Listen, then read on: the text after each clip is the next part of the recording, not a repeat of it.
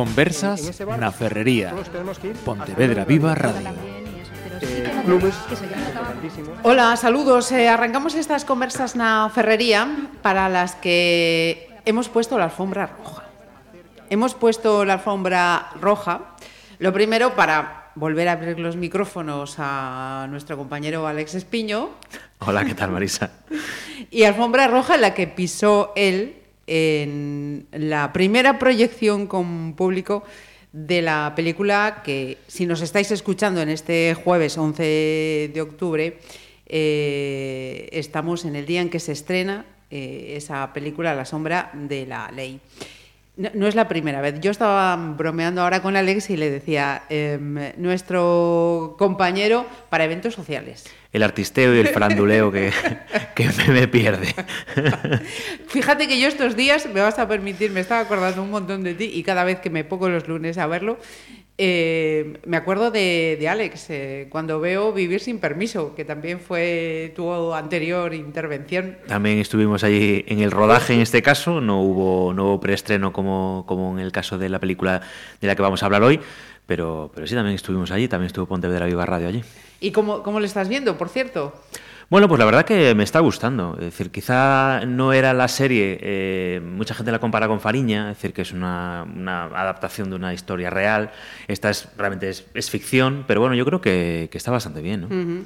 Yo, por lo que Fuchico en las redes sociales, eh, está funcionando bastante bien, ¿no? La gente se está enganchando bastante. Sí, está funcionando bastante bien, es líder de audiencia, además. O sea que, bueno, creo que, que Telecinco en este caso ha acertado y, me imagino que las Rías Baixas también tendrán algo que ver en ese éxito. ¿Y están con eh, otra temporada o yo me equivoco? Sí, están grabando esta segunda temporada ya, es decir, se empezó a grabar antes de que se estrenara incluso la serie, porque querían aprovechar el verano gallego, es decir, la primera temporada se grabó también en el verano de 2017 y querían aprovechar la misma luz, los mismos decorados, los mismos escenarios, digamos, un poco para que mm, no, no tuviera ese, problema, claro, y sobre todo porque si, como ha sido así, la serie tenía éxito, tener ya avanzado ya el rodaje de la siguiente temporada, porque si no, pues podría haber un parón mucho mayor entre, entre la emisión de una temporada y otra. Bien, eh, vamos entonces con la sombra de la ley. Andos así, todavía queda algún despistado, despistada que, digo, la sombra de la ley. Bueno, cuéntanos, ¿de qué, ¿de qué estamos hablando? Pues mira, La sombra de la ley es la segunda película del director gallego Dani de la Torre, que seguro que muchos de nuestros oyentes luego recordarán por la película El desconocido, que también eh, la bien protagonizaba Luis Tosari, que fue un auténtico éxito de audiencia, de crítica y de, y de premios. Bueno, pues esta yo me imagino que irá por el mismo camino, porque de verdad que yo que he tenido la suerte de verla en este preestreno en Pontevedra es una película absolutamente espectacular. No solo la historia, que es una historia que te atrapa desde el primer momento, sino también a nivel técnico, a nivel eh, de, actores, es de verdad es, sublime. Y nos traslada a la Barcelona de 1921. Choca un poco que estemos hablando de Barcelona porque gran parte de la película se rodó en Pontevedra. Pero eh, es porque el Instituto Valle Inclán se convirtió en la comisaría de Barcelona, en donde se desarrolla gran parte de la acción de la, serie. La avenida Montero Ríos se transformó en una gran avenida de la ciudad condal y también el Pazo de Lourizán también tiene bastante protagonismo porque, bueno, eh, no voy a destripar nada para la gente que lo vaya a ver la película, pero bueno, es un centro neurálgico de reuniones eh, muy, muy importante de la sociedad alta, catalana de aquella, de aquella época. ¿no? Nos traslada a esa época, es un momento muy convulso a nivel, a nivel social en Barcelona, es lo que se dio en llamar los años del plomo, porque era los, eh, un momento en el que había mucho, eh, muchos enfrentamientos callejeros entre eh, los gángsters que, bueno, que trataban de, hacer sus negocios en Barcelona y los anarquistas que ya, ya estaban luchando un poco contra, contra esas, bueno, esos movimientos sociales, un poco reivindicando esa lucha de clases. ¿no? Pues en esa situación de, de disturbios, de crímenes también, pues llega eh, Aníbal Uriarte, que es Luis Tosar, que es un, policía, llega a Barcelona para colaborar con la comisaría en un robo de, un, de armas, de un tren militar que asaltan y esas armas, pues eh, las autoridades piensan que ese tren lo han asaltado precisamente los anarquistas para hacerse con esas armas y contribuir a esa lucha callejera. Eh, Aníbal, al llegar allí, pues tendrá que lidiar no solo con una comisaría llena de mm, policías corruptos, eh, con los bajos fondos de, esa ciudad, de la sociedad de Barcelona, con un mafioso que tiene importantes conexiones con las altas esferas de, Barcelona y sobre todo con lo que decíamos, con un mundo anarquista que cada vez es más radical. Las viejas eh, generaciones de, anarquistas todavía siguen impulsando mucho el diálogo con, las autoridades, pero ya los jóvenes ya quieren ir un poco al, conflicto armado. ¿no?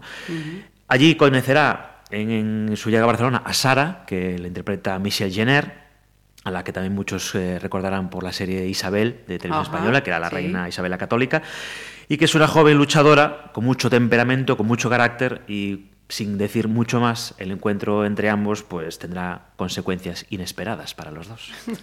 Mira, vamos a ir eh, desgranando porque has estado hablando pues eh, con el director, con parte de este elenco. Yo de las críticas que he ido eh, escuchando estas semanas eh, previas, eh, yo creo que los ponen todos a, a tope. Luis Tosar, que está sublime, Michelle también y, Ernesto Alterio. Han dicho que hace un papel eh, espectacular. Sí, porque Ernesto Alterio bueno, es un gran actor ya, ya de por sí, sobre todo lo hemos visto en, papeles más de comedia, ¿no? Y eh, es, un, es una persona que se ha especializado o que hace muy bien los papeles eh, un poco histriónicos, ¿no? Un poco, em, no sé cómo decirlo, extrovertidos o extremos, ¿no?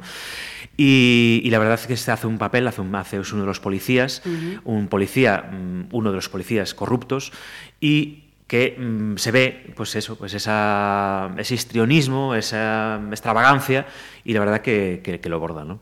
Pero como decías, yo creo que este es un papel, o sea, es un papel, es un, elenco coral que la verdad que todos encajan a la perfección, es verdad que están magistralmente dirigidos por Dani La Torre, que el guion eh, de la película también es espectacular y, entonces pues que no, falla nada, que, la verdad que es, una pasada de película. Mira, y de esa primera proyección, ¿qué, impresiones te quedaron aquí después de acudir? Pues mira, lo primero es que no es habitual que Pontevedra coja un estreno cinematográfico, es decir, sí que en los cines sí, pero no que vengan los actores, los directores, con todo el despliegue.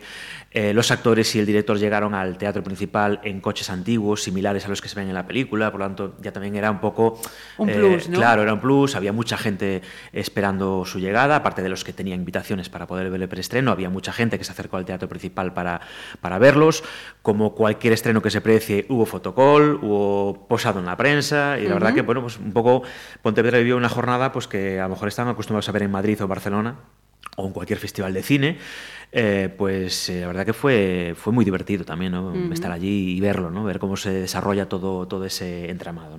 Porque yo, yo pensaba, ¿no? cuando, mm, cuando veía la información que, que, habías publicado, que luego la lanzamos en nuestra información de Pontevedra Viva, eh, decir, bueno, pues si Pontevedra, las Rías Baixas, se está convirtiendo en, en, una referencia ya, ¿no? Para el rodaje de series, de, de películas eh, está bien que luego al final ese, ese producto ¿no? Eh, tenga su visibilidad en, en, la ciudad. Sí, aparte, bueno, lo vamos a escuchar ahora en un ratito, en la entrevista que, que hicimos con, con Dani de la Torre, con el director, nos decía que para él había sido vital venir a rodar a Pontevedra y a Galicia, se rodó también en Monforte, eh, entre, otras, entre otras ciudades, porque ella, para una película como esta, una película que tiene mucha acción, que tiene pues, muchas escenas de tiroteos, de, bueno, de enfrentamientos, Claro, es eh, impensable que una película pueda rodar, por ejemplo, pueda cortar, perdón, la Gran Vía de Barcelona o la Diagonal de Barcelona durante una semana para poder rodar una película.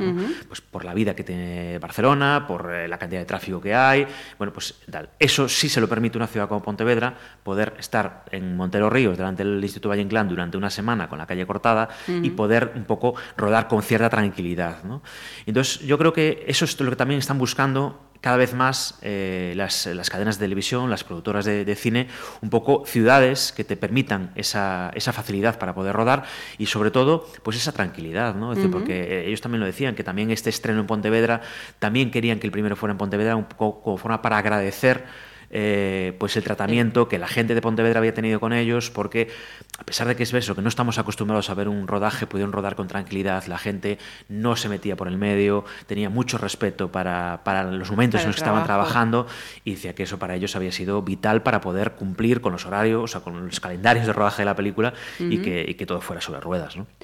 Perfecto, pues... Eh, ¿Con qué comenzamos? Pues empezamos, como decía ahora, con, con Dani, con el que hablamos eh, pues unas horas antes del estreno, que lo cogimos así un poquito en un momento más tranquilo, que estaba un, poco, estaba un poco nervioso, no reconocía, lo vamos a escuchar ahora, porque él decía, claro, que para, una, para un creador, para un director como él, pues siempre el primer pase de público es, un termómetro mucha, mucha presión, porque bueno, hasta ahora habían tenido pases de prensa, pases privados para el reparto, para el equipo de, la película, para ir ajustando cosas, pero esta era la primera vez que se iban a enfrentar a la reacción del público. Y aunque él decía que por un lado jugaba en casa porque estaba el patio de butacas lleno de amigos y de familiares, pues que aunque así era, para ello era una, una presión y que estaba muy ilusionado con, con este estreno en Pontevedra. ¿Lo escuchamos entonces? Lo escuchamos. Nada, lo primero, Dani, es la primera vez que proyectas la película con público. No sé si hay nervios, no. Bueno, es la primera vez con público, es la primera vez, eh, bueno, en Galicia también, está, viene toda mi familia, viene mi gente. Siempre hay una presión, aunque sea con fuego amigo, ¿no? sea una presión porque de alguna manera sueltas tu criatura, sueltas, sale, sale a la luz y sí, hay una presión, pero estoy muy contento, tengo muchas ganas ya. Después del éxito de, la primera, del desconocido, no sé si esta segunda película, el hecho de, eso, de, venir de ese éxito, también añade un plus de, presión o de responsabilidad. ¿no? Bueno, sí, es responsabilidad, porque evidentemente, si te sale bien la primera, eh, bendito problema también, ¿no? Que, tienes, ¿no? Porque puedes hacer la segunda también con más holgura, más tranquilidad. Fue todo lo contrario, porque fue una locura total, porque hacer una peli de época es muy complicado. Pero sí, tienes la presión por no defraudar, por no por, subir peldaños, por mostrar otras cosas, pues por, por agradar al público y a la gente que confió en ti también, ¿no? Y a la gente que te está dando la oportunidad de hacer otra segunda peli y tan potente como esta, ¿no? Sí, es una presión añadida, pero, pero bendita presión, ojalá suceda muchas veces. Bueno, ¿cómo, cómo llegas a, esta película y a esta historia, sobre mm. todo?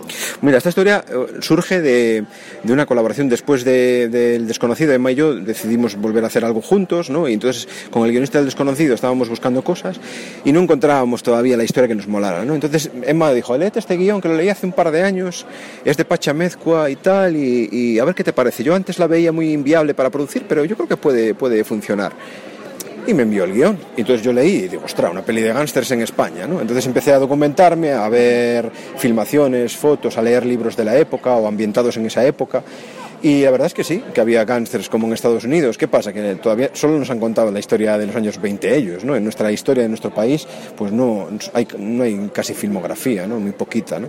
Entonces, bueno, de alguna manera, pues me, me gustó la explosión de luz, la explosión de una ciudad como Barcelona que estaba en, crecimiento, que tenía, que tenía, pues eso, que estaba en, boom eh, eh, total. Entró la música, entraron los cabarets, entraron las drogas, entró la moda, entró el ocio, entró las revueltas sociales. Era un polvorín absoluto, ¿no? pero de todo tipo, tanto cultural como social como emocional. ¿no? Entonces era algo que me apetecía muchísimo contar y con, la, y con la tecnología de hoy en día pues puedes abrir los planos, puedes mostrar Barcelona como era en aquella época, ¿no? sin necesidad de cerrar la cámara y tirar para el callejón. ¿no? Entonces yo creo que para mí era algo que me, que me apetecía muchísimo poder abordar una película de época con garantías. De hecho, para mí era mi principal, eh, mi principal eh, bueno, mi principal nerviosismo era por ese, porque por no dar el nivel de producción adecuado, porque todo el mundo está acostumbrado a ver películas de época de un nivel de producción brutales, ¿no? Y, más de gángsters, ¿no? Todas las referencias que tenemos dices, joder, madre mía, no, ¿eh, ¿dónde voy, no?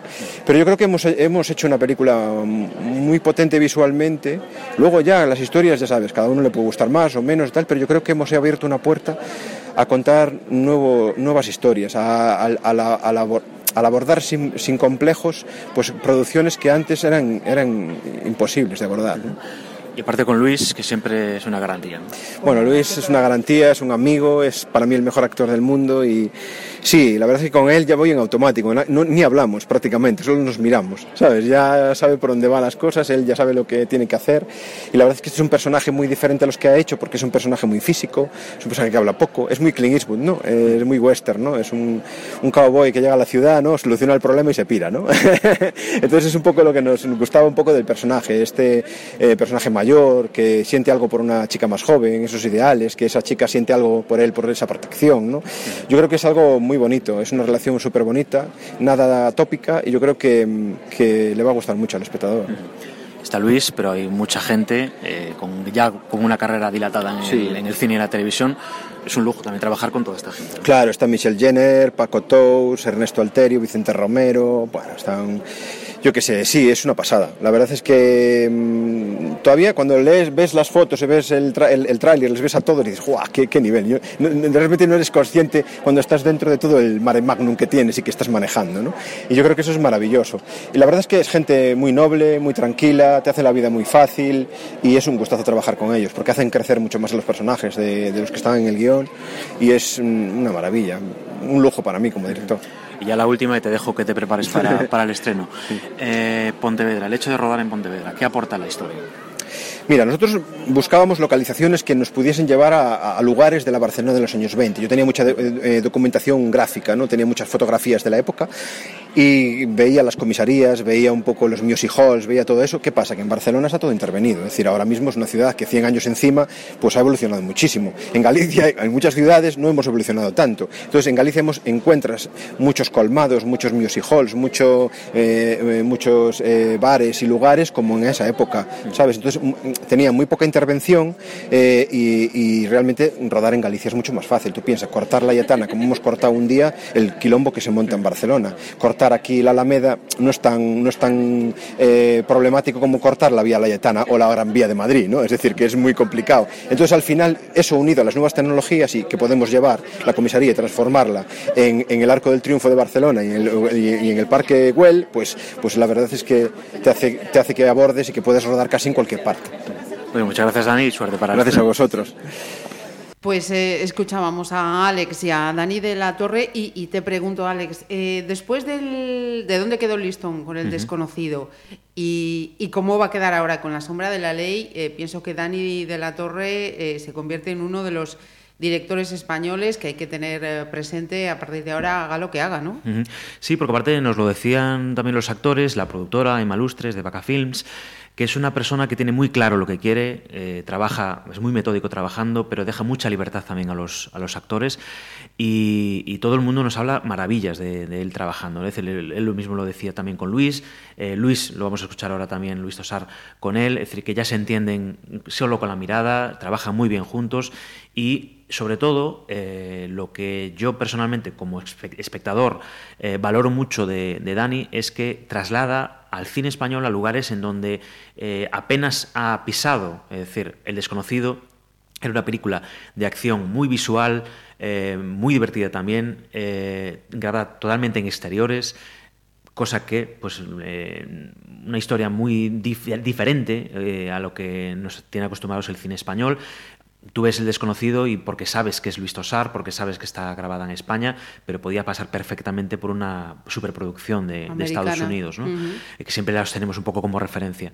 Pues un poco pasa lo mismo con, con La sombra de la ley, ¿no? es decir, visualmente es muy potente. Eh, porque te está contando Barcelona, ves a los actores españoles, pero precisamente mm, podía pasar por una película eh, de una, macro, una macroproducción. ¿no? Y un poco eh, ese también es el, el, gran poder que tiene esta película, es decir, demostrar que el cine español está capacitado para contar cosas diferentes, para hacer cosas diferentes y que no siempre eh, se, se, nos encasille o se les encasille, en este caso al sector, en un tipo de cine más a lo mejor más intimista o más, más de sentimientos. ¿no? Yo creo que, que, está muy bien. ¿no?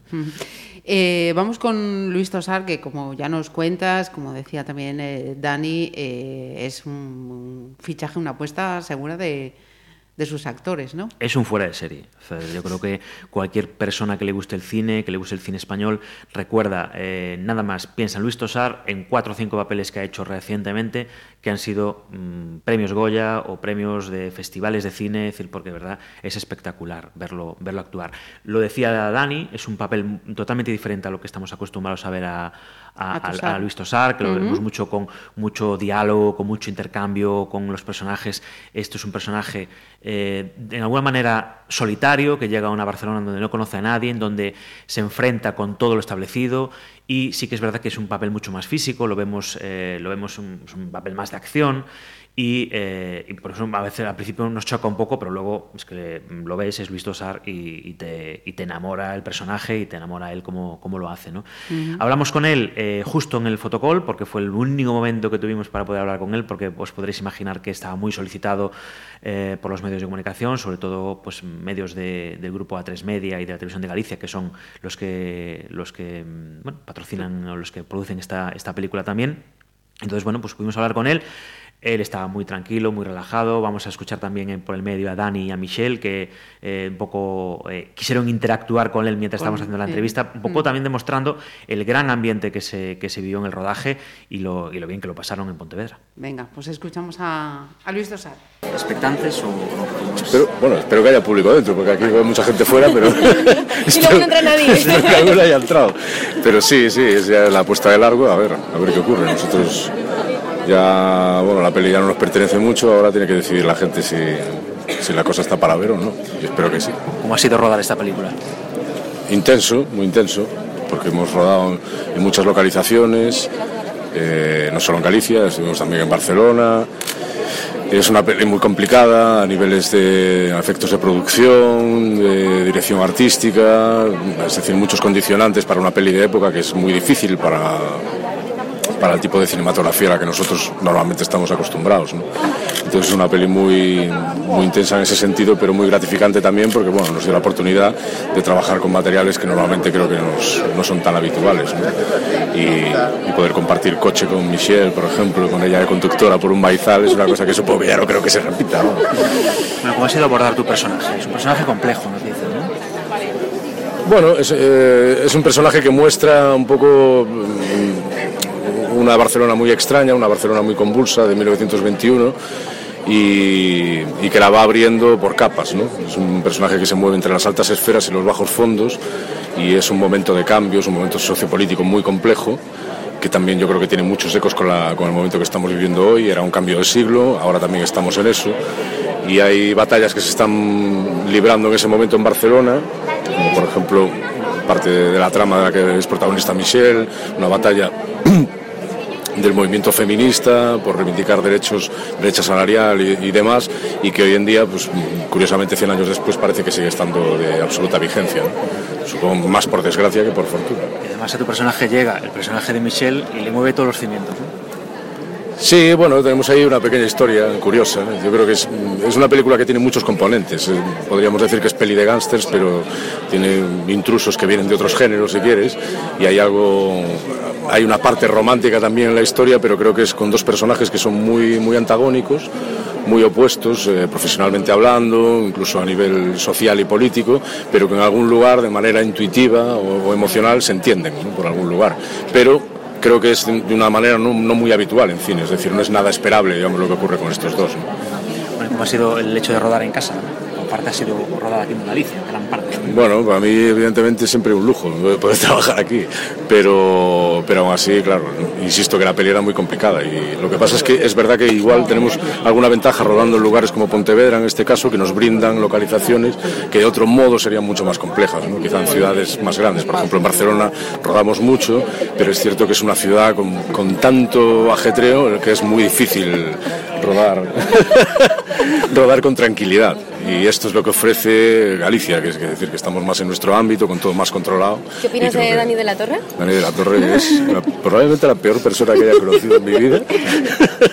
y eso lo define muy bien como guitarrista. Mira que canto claro, ¿eh? Cantas alto. Canta alto y claro. ¿eh? La peor persona, pero repites. Sí, bueno, es que es un vicio que tengo. es que le va, le va a la marcha. Es un vicio que tengo. Como, como, director de cine, es una persona horrible. Muy esquizofrénico, loco. Bueno, Michelle, ¿cómo ha sido rodar con Luis? Y con pues también ha sido horrible, ha sido una experiencia horrible. No, pues. hay que contar las cosas. Ha sido muy bonito, ha sido maravilloso trabajar con Dani. Vete, porque claro, si voy a hablar de ti. Cuéntale la cantidad de marisco que comiste. Es, fue sobre todo por eso ha sido muy maravilloso. no, de verdad, son los dos. El papel es maravilloso cuando leí ese guion, es de esos guiones que, que lo sientes en las entrañas y que dices, yo quiero hacer esto, yo quiero hacer este personaje, es un regalo, es una película preciosa, es un thriller, tiene acción, tiene, tiene de todo. Y mm, tanto trabajar con Luis, que me parece uno de los mejores actores de este país, tener la oportunidad de compartir secuencias con él, ha sido increíble, de hacer secuencias mirándole a los ojos y, trabajar en las órdenes de Dani, que es un ser maravilloso, sensible, cercano, ha hecho que todo sea muy fácil.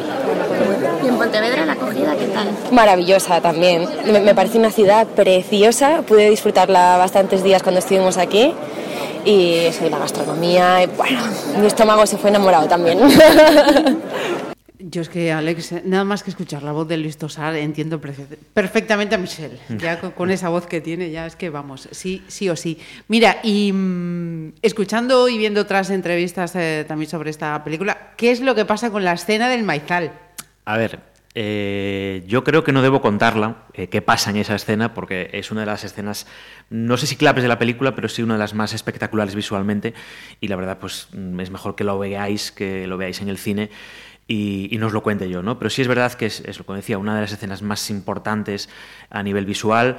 Eh, Luis lo contaba, eh, Michelle conduciendo por un, un, coche claro, de los años 20, por un maizal, escapando de los que lo estaban persiguiendo a tiro limpio. Uh -huh. Y pues la verdad que es, es, muy divertida y es muy espectacular. ¿no? Decir, que, y aparte nos decían él que, que rodándola se lo habían pasado en grande, o sea que, que tenéis que verla.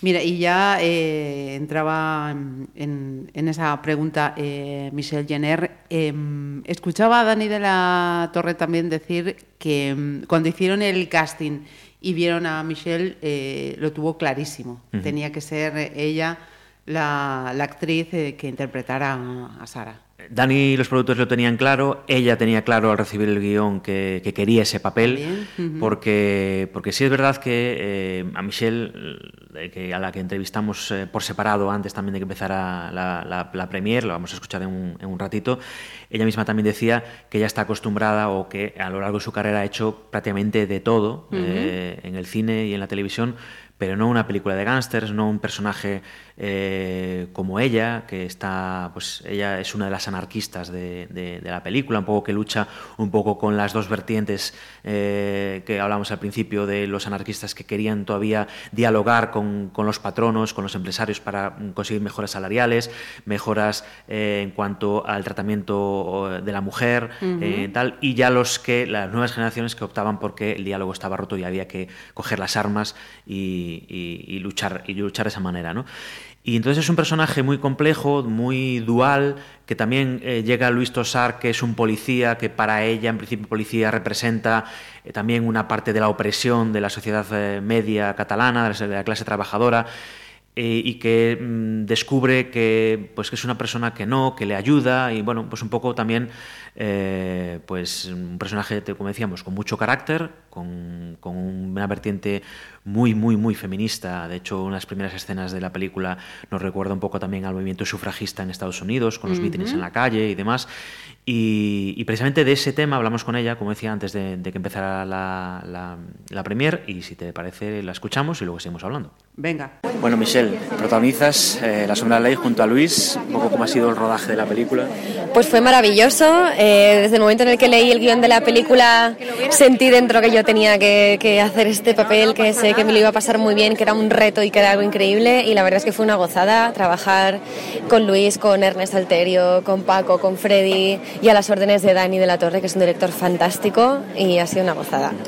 Interpretas a Sara, una chica que dicen que tiene mucho carácter. ¿no? Sí, tiene mucho carácter, sí. Es una chica anarquista y luchadora que cada vez digamos que se pasa al lado más, más guerrero del asunto y se va a enfrentar a un montón de situaciones muy difíciles para ella.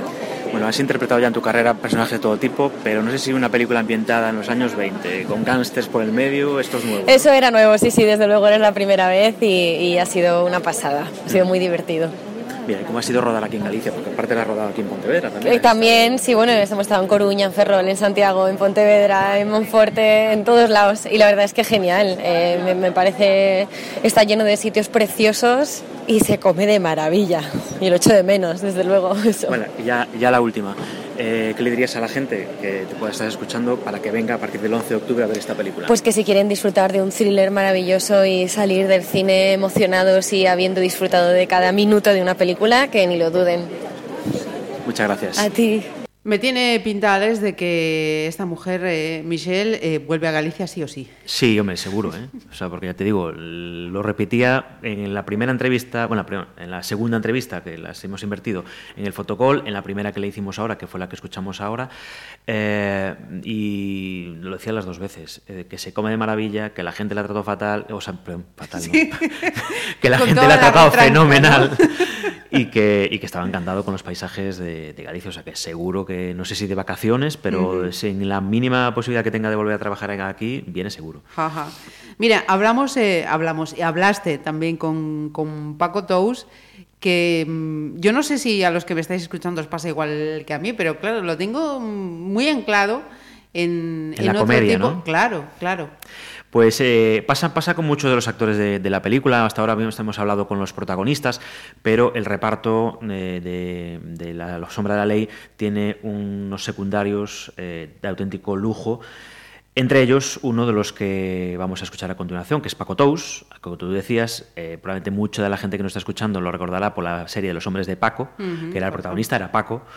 Eh, luego pues ha hecho papeles en televisión también espectaculares con una serie que yo creo que a mi juicio no tuvo el éxito que debería, que era Apaches, que emitió Antena 3 eh, recientemente.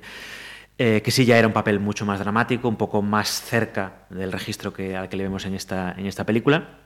En esta película él es eh, Salvador, es el líder del grupo Los Anarquistas, lo que hablábamos antes, de el veterano que, todavía peleaba un poco por, dialogar y, para buscar un poco la solución a sus eh, situaciones laborales, y es el padre de, de Michel, de Michel Jenner. ¿no? Eh, él también hablaba un poco de, nos habló con nosotros un poco de su personaje, de lo, cómo era de rodar con Dani y lo escuchamos. ¿Cómo es tu personaje en esta, en esta película? Bueno, pues eh, es el padre de, Sara, es un líder anarquista, eh, un líder pacifista, quiere, cree que la revolución puede ser sin las armas y entonces entra, en conflicto con, un siglo con, unos años 20 de, en Cataluña donde, donde hubo esos altercados, estamos hablando de la Semana Trágica, después más cosas, y, sin momentos convulsos ¿no? en esos años. Y Salvador pues es eh, eh, el padre, como te decía, de, Sara, que es Michelle Jenner, y, también ha criado, que ha criado su hija sin, sin la madre, entonces hay una relación muy, muy, muy íntima y muy, muy fuerte entre padre y hija. ¿Cómo ha sido trabajar con, con Dani? Es un, director que es su segunda película, pero nos dicen todos sus compañeros que es como si fuese llevase 20. Sí, sí, aparte, aparte de, la sensación mm, que nos da de, tranquilidad al actor, porque creemos que sabe lo que, lo que quiere pero aparte de eso es eh, eh, eh, la disposición de, ambiente de trabajo, de un buen ambiente de trabajo en la que dispone al equipo. Yo, yo he trabajado con mucha comodidad. que, que, justo en ese mismo momento es que me hacía falta. Coincidió y entonces he trabajado con mucha comodidad, se sabe lo que quiere y si no eh, tiene la honestidad de decirlo y vamos a proponer. Y entonces eso es muy bueno. Bueno, ya lo, último. Esta película demuestra que en España hay grandes historias por contar.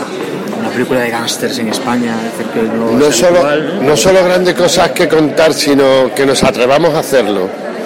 Creo que, que, que ya está demostrado que somos capaces de hacerlo. Quiero decir, hace poco nadie se imaginaba que el cine español pudiera hacer una película de gángster estamos hablando de otro tipo de ficción, como, como en la que yo he participado hace poco, La Casa de Papel, de atracadores.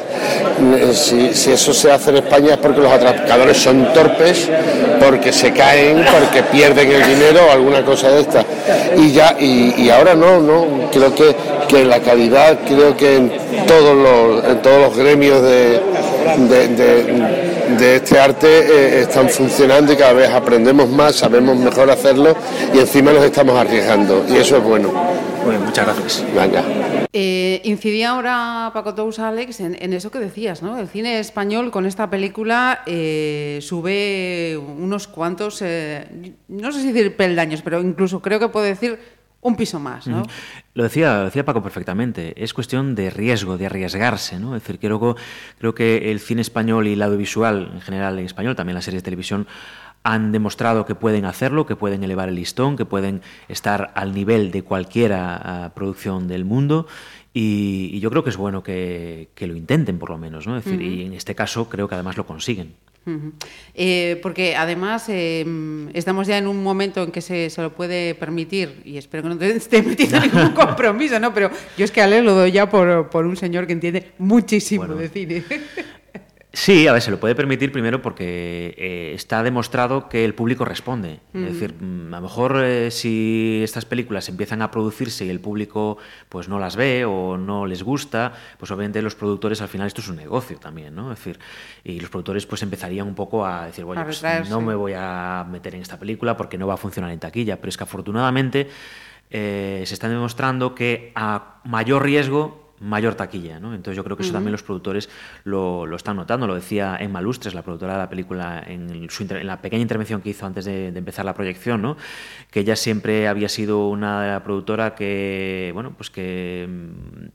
Eh, que siempre era la que decía, bueno, vamos a poner más, vamos a poner más, ¿no? Es decir, ¿y por qué no ponemos esto en la película? Porque un poco mm, tenía la sensación de que las películas se, quedaban un poco cortas, ¿no? Y que en cambio con esta película le pasó todo lo contrario. Es decir, que era en plan de, bueno, igual nos estamos pasando un poco, bueno, igual que, que tengo, que, que, tengo que pagar esta película, ¿no? Y, y yo creo que eso también eh, se ve en pantalla y yo creo que mm, se va a tener recompensa en taquilla, en taquilla. y sobre todo yo creo que eh, sin, sin aventurarme demasiado y sin tirar mucho a la piscina, mmm, va a ser una de las películas de las que vamos a hablar año. mucho, eh, no solo del año, sino en los próximos premios Goya. ¿eh? Ajá. Y otra de las charlas que tuviste, eh, para mí eh, es una persona desconocida. Háblame de, de Freddy Ley. Pues eh, teníamos muchas ganas de hablar con él porque en Pontevedra Vivo lo entrevistamos eh, ya por ya una vez, no por no por, por, su música, o sea, perdón, no por su el cine, sino por su música, porque es un es cantante, es gallego y es su primera película, eh, su primer papel en el cine, ¿no? Él estaba también muy emocionado, muy contento por esta oportunidad que le daba que le daba Dani y además con un papel que, bueno, que a pesar de ser secundario tiene mucho protagonismo porque es uno de los policías que acompaña a Luis Tosar durante toda la película. Ajá. Y eh, bueno, le apodan el niño, porque es verdad que es, es, una persona muy joven, que aparte con un aspecto muy aniñado en la película uh -huh. también. Y, y, para mí ha sido un, un, bueno, un, descubrimiento porque lo conocía como, como artista. Bueno. Pero la verdad es que para ser su primer papel lo, lo, resuelve de una manera mucho más que solvente. Yo creo que, que si le dejan, dará muchas sorpresas en el cine. Sí, que nos comentes un poco cómo era tu participación en esta, en esta película de, de Dani. Bueno, pues eh, la verdad es que, bueno, antes, antes de nada es un proyecto súper bonito, es un peliculón, a mí me parece una maravilla de película. Y después eh, mi personaje es Beltrán, es un chico que acaba de empezar en la brigada de información, que está un poco jovizor viendo lo que pasa.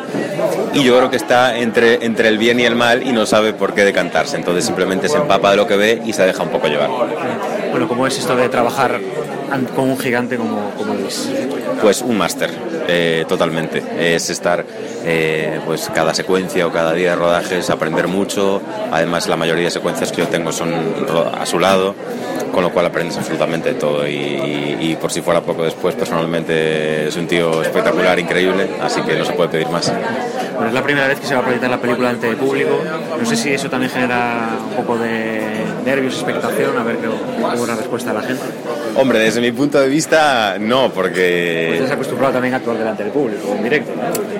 En, en, el caso de la música sí, pero después, a, al final yo creo que a, a, a, la hora de estrenar una película eh, el trabajo ya está hecho y sobre todo yo he podido verla hace una semana y el resultado me parece una maravilla, con lo cual yo creo que a la gente le va a gustar. Nunca se sabe, pero, pero creo que tiene todos los ingredientes para que haga mucho ruido. Bueno, ya la última, ¿qué le dirías a la gente para que a partir del día 11 de octubre que se estrena en cines vaya a ver esta película? Pues que van a vivir dos horas de, de tensión, es un thriller, eh, evidentemente con una connotación política de nuestra historia en la Barcelona de los años 20, pero, pero que desde el minuto uno hasta el último eh, no van a saber lo que pasa y, y, van a querer descubrirlo. Así que nada, animo a todo el mundo a que vaya a los cines a partir del 11 de octubre. ¿Vamos a ver a Freddy más por el cine? Me encantaría, me encantaría, eh, compaginándolo con la música y, ojalá todo lo que sea tratar de emocionar y de transmitir, sea en un campo o en otro, pues encantado.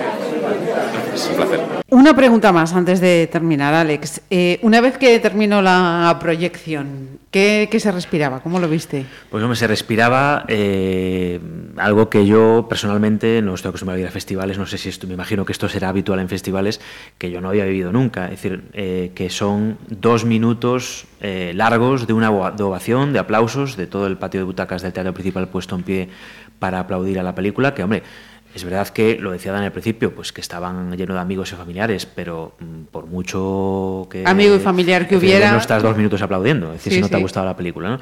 Y yo creo que, es buen síntoma de que la, de la película va a gustar, aparte me consta que ha tenido la misma reacción en el Festival de Sitges, que, se, que, se, estrenó días después de, Pontevedra, también en Coruña se ha estrenado, en Madrid eh, en las últimas horas y en todas partes se ha repetido. Por lo tanto, yo creo que mm, esta película va a arrasar en los cines seguro. Pues eh, quedaos con lo que decía Alex eh, hace unos minutos. Ojito a la próxima edición de los Goya, porque la sombra de la ley va a hacer mucho ruido. Y si no, al tiempo. Y va a hacer mucho ruido y también en las salas, me refiero. Lo digo porque eh, vamos a enlazar un poco con la despedida. Sí. Eh, la película, además de todo lo que hemos hablado, de los actores, del guion, de que es mm, visualmente muy potente, tiene una banda sonora magistral. Eh, de verdad, o sea, acompaña la película a la perfección. Es una banda sonora que, con, que, que fue compuesta por el gallego Manuel Ribeiro y por el catalán Xavi Font, que está grabada por la Orquesta Sinfónica de Galicia, que durante una semana grabaron en Galicia, en A Coruña, todas las piezas de la película. Y además, la, la, la pieza central, la canción central, pues la canta una de las voces que para mí es más espectacular de las que tenemos ahora mismo en España, que es Ainhoa Arteta. Es una, una, canción preciosa que acompaña un poco, es muy épica también, un poco que repente envuelve a la perfección un poco el, producto y creo, si no me equivoco, Marisa, que la tenemos ahí preparada. ¿no? La tenemos eh, preparada, vamos a cerrar eh, con ella estas conversas na ferrería y que vengan muchas conversas como esta, que me han costado un montón. Pues que vengan, que vengan, que aparte Pontevedra lo agradece, porque aparte también imagino, bueno, imagino no, lo sé, también para la ciudad es una, es una proyección importante, ¿no? Que una película de este, de este calibre pues centralice un poco su producción aquí, pues porque no solo por la proyección de la ciudad, sino porque también deja dinerito en los negocios y en la hostelería de la ciudad, que siempre viene bien. Efectivamente. Un millón, Alex. Muchas gracias.